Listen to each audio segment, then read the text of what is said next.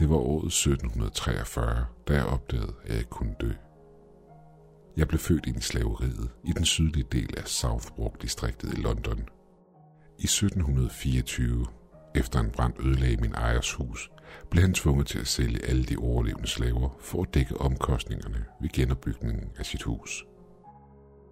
Ved aktionen blev mit mareridt til virkelighed. En plantageejer fra Bristol købte mine forældre, men ikke mig. Jeg var for ung til at arbejde, og han ønskede ikke at brødføde mig i flere år, indtil jeg var klar til at arbejde. Som en masse skrigen og råben blev mine forældre læsset på en vogn og kørt væk, imens jeg blev tilbage. Jeg så dem aldrig igen. Tingene kunne være gået meget værre. Jeg kunne være blevet købt af en person, der ikke havde nogen skrubler med hensyn til børnearbejde. Heldigvis blev jeg købt af en ældre kvinde i midt 50'erne med navn Harris. Hun var ikke plantageejer eller noget i den stil. Hendes mand var død, og begge hendes sønner tjente i den royale flåde, så hun ønskede blot mit selskab. Det at bo sammen med hende var det tætteste på, jeg kom på at være lykkelig. Hun lærte mig at læse, lave mad, og vi lavede det sammen hver dag. Hun fortalte mig historier, og vi talte om alt, hvad der faldt os ind. Da jeg var 12 år, gik hun med til at lade mig søge læreplads som spæd. Her brugte jeg otte år på at arbejde i smedjen, hvor jeg for det meste lavede kæder og bagnetter. Men på et tidspunkt begyndte Harrys helbred at gå ned ad bakke, og inden længe måtte jeg tage mig af hende fuld tid. Jeg gjorde alt, hvad jeg kunne for hende. Men på et eller andet tidspunkt måtte alt godt komme til en ende. Hun døde i 1742, og jeg, jeg blev solgt igen. I den amerikanske koloni Delaware og smide ikke noget, der hang på træerne. Og siden jeg havde en del erfaring inden for faget, blev jeg smidt på et skib sammen med ni andre slaver og sendt afsted. Jeg er sikker på, at du har hørt, hvordan slaver blev transporteret. Lænket sammen, side om side ombord på bådene. Sådan var det ikke for mig. Vi blev blot låst inde i skibets lastrum, hvor vi tilbragte de næste tre uger og blev kun givet gammelt brød og vand. En gang om dagen blev vi taget op, så vi kunne træde af på naturens vegne. Men ud over det, så vi låst inde resten af tiden. Dagene var ulidelige og varmen brutal. Natten var kold, og efter at tre af os var døde, gik det op for os, at vi alle ville dø, hvis vi gjorde noget drastisk. Hver dag ved middagstid ville mandskabet bringe os brød og vand. To mænd ville stå vagt ved døren, bevæbnet med rifler, imens en tredje mand delte maden ud til os. Planen var simpel. Vi ville alle på samme tid løbe mod dem og overrumple dem, i det de kom ind. Tag deres våben og tag kontrol over skibet. Det værste, der kunne ske, var, at de dræbte os. Tidspunktet oprandt, og vi hørte mandskabet komme imod døren, og vi gjorde os klar. Men vi reagerede for tidligt. I det de åbnede døren, og den første mand kom ind med maden, løb vi imod dem. Det gav de to mænd med riflerne tid til at træde et par skridt tilbage og skyde imod os. Begge ramte deres mål, og vi var nu fem tilbage. De løb tilbage mod dækket, og vi fulgte efter dem. Da vi nåede dækket, gik det op for mig, hvor meget jeg havde taget fejl af hele situationen. Fejlen bestod i, at vi troede, at de to mænd, der bar riflerne, var de eneste på skibet, der var bevæbnet. Over et dusin mænd stod spredt rundt på dækket, og de pegede alle sammen på os med deres våben. Jeg forventede næsten, at de ville skyde os på stedet. Men i stedet tvang de os til at sætte os ned, inden de udvalgte en, de kunne gøre et eksempel ud af. Som du sikkert kan gætte, valgte de mig. I det de andre slaver så skræmt til, bandt de mig med lænker på hænder og fødder, plus det, at de viklede en tung kæde rundt om mig, inden de skubbede mig over bord. Jeg begyndte med det samme at synke. Det sørgede kæderne for. Det var første gang, jeg nogensinde havde været under vand, så jeg var ikke vant til at skulle holde vejret. Det lykkedes mig at holde vejret i over et minut, inden jeg kunne klare mere. Saltvandet tvang sig ned igennem mit luftrør og brændte på en måde, du ikke kan forestille dig. Jeg stoppede med at kæmpe mod og ventede blot på, at det hele skulle ende. Men det skete ikke. Jeg skulle have været død inden for et par minutter. Men af en eller anden årsag var jeg stadig i live. Jeg mærkede mig selv ramme havbunden. Det må have været et relativt lavvandet sted, da der lige var nok sollys til at nå ned til mig, så jeg kunne se, hvad der var omkring mig. Jeg kunne ikke bevæge mig, trække vejret eller sove. Lammet af kulden for vandet var alt, jeg kunne mærke. Saltvandet brændte i min hals. Det stoppede aldrig. Det eneste, jeg kunne, var at se solen bevæge sig hen over himlen, om og om igen. Ved du, hvordan det føles, når man ikke har spist i 10 dage? 25 dage. 30 dage. Skibet havde sikkert nået sin havn i Delaware nu. Jeg spekulerede på, hvad mandskabet havde sagt, når de forventede en forsendelse på 10 slaver, men kun modtog fire. 75 dage. Sulten og tørsten har nået sit højdepunkt, hvilket var godt tænke jeg for mig selv. 200 dage. Jeg troede, jeg ville visne hen på grund af sulten, og på et tidspunkt slippe fri fra kæderne. Men nej, jeg forblev fanget på stedet. 365 dage. På det her tidspunkt havde jeg accepteret, at jeg var i helvede, og det her aldrig ville slutte. Det her var min straf for at forbande Gud efter Harris' død. 500 dage. Jeg ønskede, at hun aldrig havde købt mig. Hun er grunden til, at jeg er fanget her på bunden af havet. Hun var altid rar og behandlede mig som en søn, men satte mig aldrig fri. Hvis hun havde gjort det, var alt det her aldrig sket. Hun var lige så slem som de andre. Tusind dage. På det her tidspunkt var jeg stoppet med at tænke på fortiden. Det gav ingen mening.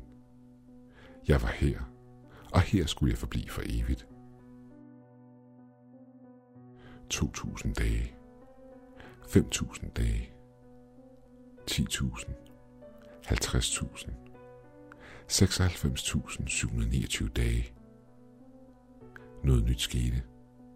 Jeg kunne se to skygger bevæge sig i vandet over mig.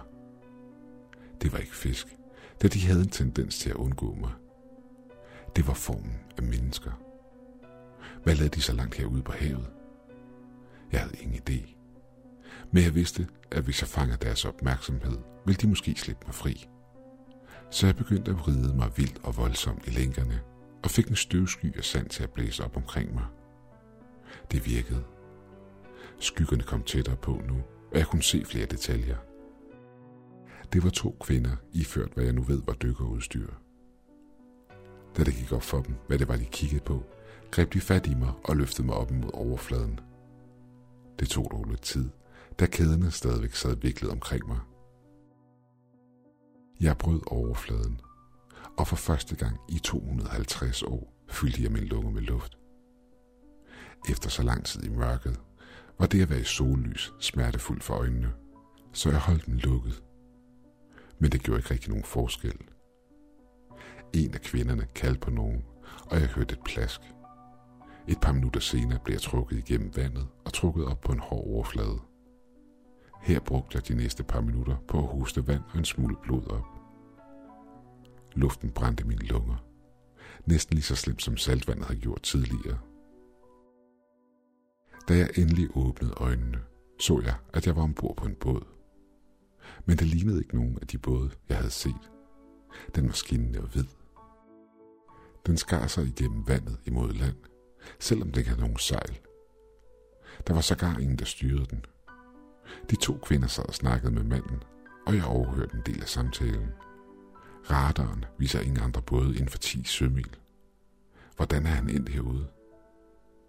Se på kæderne, og hvor rustne de er.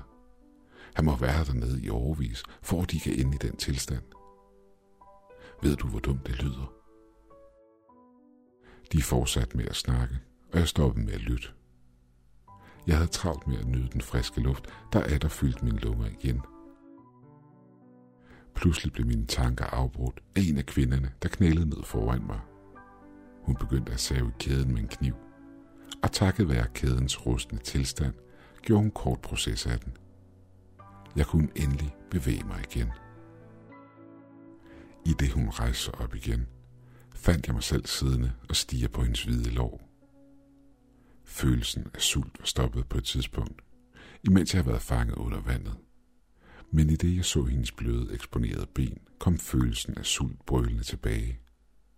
En forfærdelig følelse af tomhed, der var umulig at ignorere.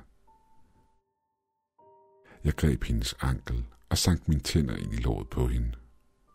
Hun skreg, og de andre skreg, i det jeg flåede en lunds kød fri og slugte. Det var det bedste, jeg nogensinde havde smagt i mit liv. Jeg trak hende ned på gulvet og bed igen. Dengang i hendes hals. Men lige der hørte jeg et højt brag og en eksplosion af smerte i min ene arm. Jeg så op og opdagede, at manden pegede på mig med en pistol. De kugler gjorde ondt, men de kunne ikke tage mit liv, lige så vel som havet heller ikke havde kunnet. Da han så, at jeg stadig var i live, sprang han på mig og prøvede at tvinge mig imod den ene ende af båden. Da det gik op for mig, hvad det var, han ville, fik jeg samlet en sådan styrke, som kun ren terror kan give dig. Og det lykkedes mig at skubbe manden i vandet. Kvinden, jeg ikke havde bidt, ønskede ikke at være alene med mig, så hun prøvede at springe i vandet efter manden. Men jeg greb fat i hende og skubbede hende væk fra reglingen. Hun faldt bagover, og hendes hoved ramte et hårdt hjørne af en stol og begyndte at bløde voldsomt fra såret. Efter det bevægede hun sig ikke mere. Da der ikke var flere til at afbryde mig, begyndte jeg igen at æde. Efter et par bidder kastede jeg kød og blod op på den nu afkølede krop. Men sulten kunne ikke kontrolleres, så jeg fortsatte med at spise. Dette fortsatte lidt nu, indtil jeg var færdig med den første kvinde. Jeg tog det mere roligt med den anden kvinde, da hun ikke var død endnu, men blot var bevidstløs. Hun var stadig varm. Min sult var blevet stille nok til, at jeg kunne stoppe mig selv. Og det gik op for mig, hvad jeg lige havde gjort. Jeg havde lige slået et andet menneske ihjel. Og manden i vandet ville højst sandsynligt drukne og dø. Hvis jeg ikke var fordømt før, så var jeg det med sikkerhed nu. Men Gud havde vendt mig ryggen for længe siden, så hvorfor skulle jeg følge hans regler? Jeg begyndte at søge båden igennem og fandt flere flasker med vand, som jeg drak. Jeg fandt også en taske med tøj, som må tilhøre manden. Jeg vaskede blodet af mit ansigt og fjernede mit rødne tøj og tog det nye på. Da jeg så mig selv i spejlet, opdagede jeg, at jeg ikke var blevet en dag ældre, siden jeg var blevet kastet af skibet for så mange år siden. Da båden nåede kysten, og jeg så stranden var tom, løb jeg alt, hvad jeg kunne, for at komme så langt væk fra havet og båden, som var det muligt. Senere samme dag, efter at være gået rundt i en nærliggende by et par timer, gik jeg tilbage mod stranden for at se, om nogen havde fundet båden. I det jeg kom tættere på, så jeg en flok mennesker stå samlet omkring den. Alt imens blå blink lyste stranden op. Flere af mændene var klædt i sort og bar våben i deres bælter. De stod alle omkring båden. Jeg bliver af gode grunde ikke hængende ret længe. Det er senere hen gået op for mig, at jeg måske var for hård min dom imod Miss Harris, selvom hun ikke satte mig fri, og det senere hen førte til alt det her. Hun lærte mig trods alt at læse, hvilket har vist sig at være uvurderlig i denne her nye verden. Jeg brugte det meste af tiden på biblioteket, hvor jeg lærte om verden og de forandringer, den havde været igennem. Jeg lærte om alle de videnskabelige gennembrud og al den teknologi, folk i dag tager for givet. Vi kan bogstaveligste forstand tale med andre mennesker, selvom de er på den anden side af jorden. Da jeg var barn, vil sådan besked have været måneder om at nå frem. Jeg tænker oftest på, at jeg aldrig skal dø. Nogle gange gyser jeg ved tanken. Jeg kommer til at se, hvordan verden vil være om hundredvis af år. Andre gange skræmmer tanken mig. Jeg vil aldrig kunne have et normalt forhold. Min partner vil ældes og dø, imens jeg forbliver den samme. Og hvad nu hvis en katastrofe udrydder alt liv på planeten, og jeg er efterladt tilbage alene på en død klode? Jeg ved ikke, hvordan jeg skal bruge den uendelige tid, jeg har til rådighed. Men en ting er sikkert. Jeg skal aldrig tilbage på havet.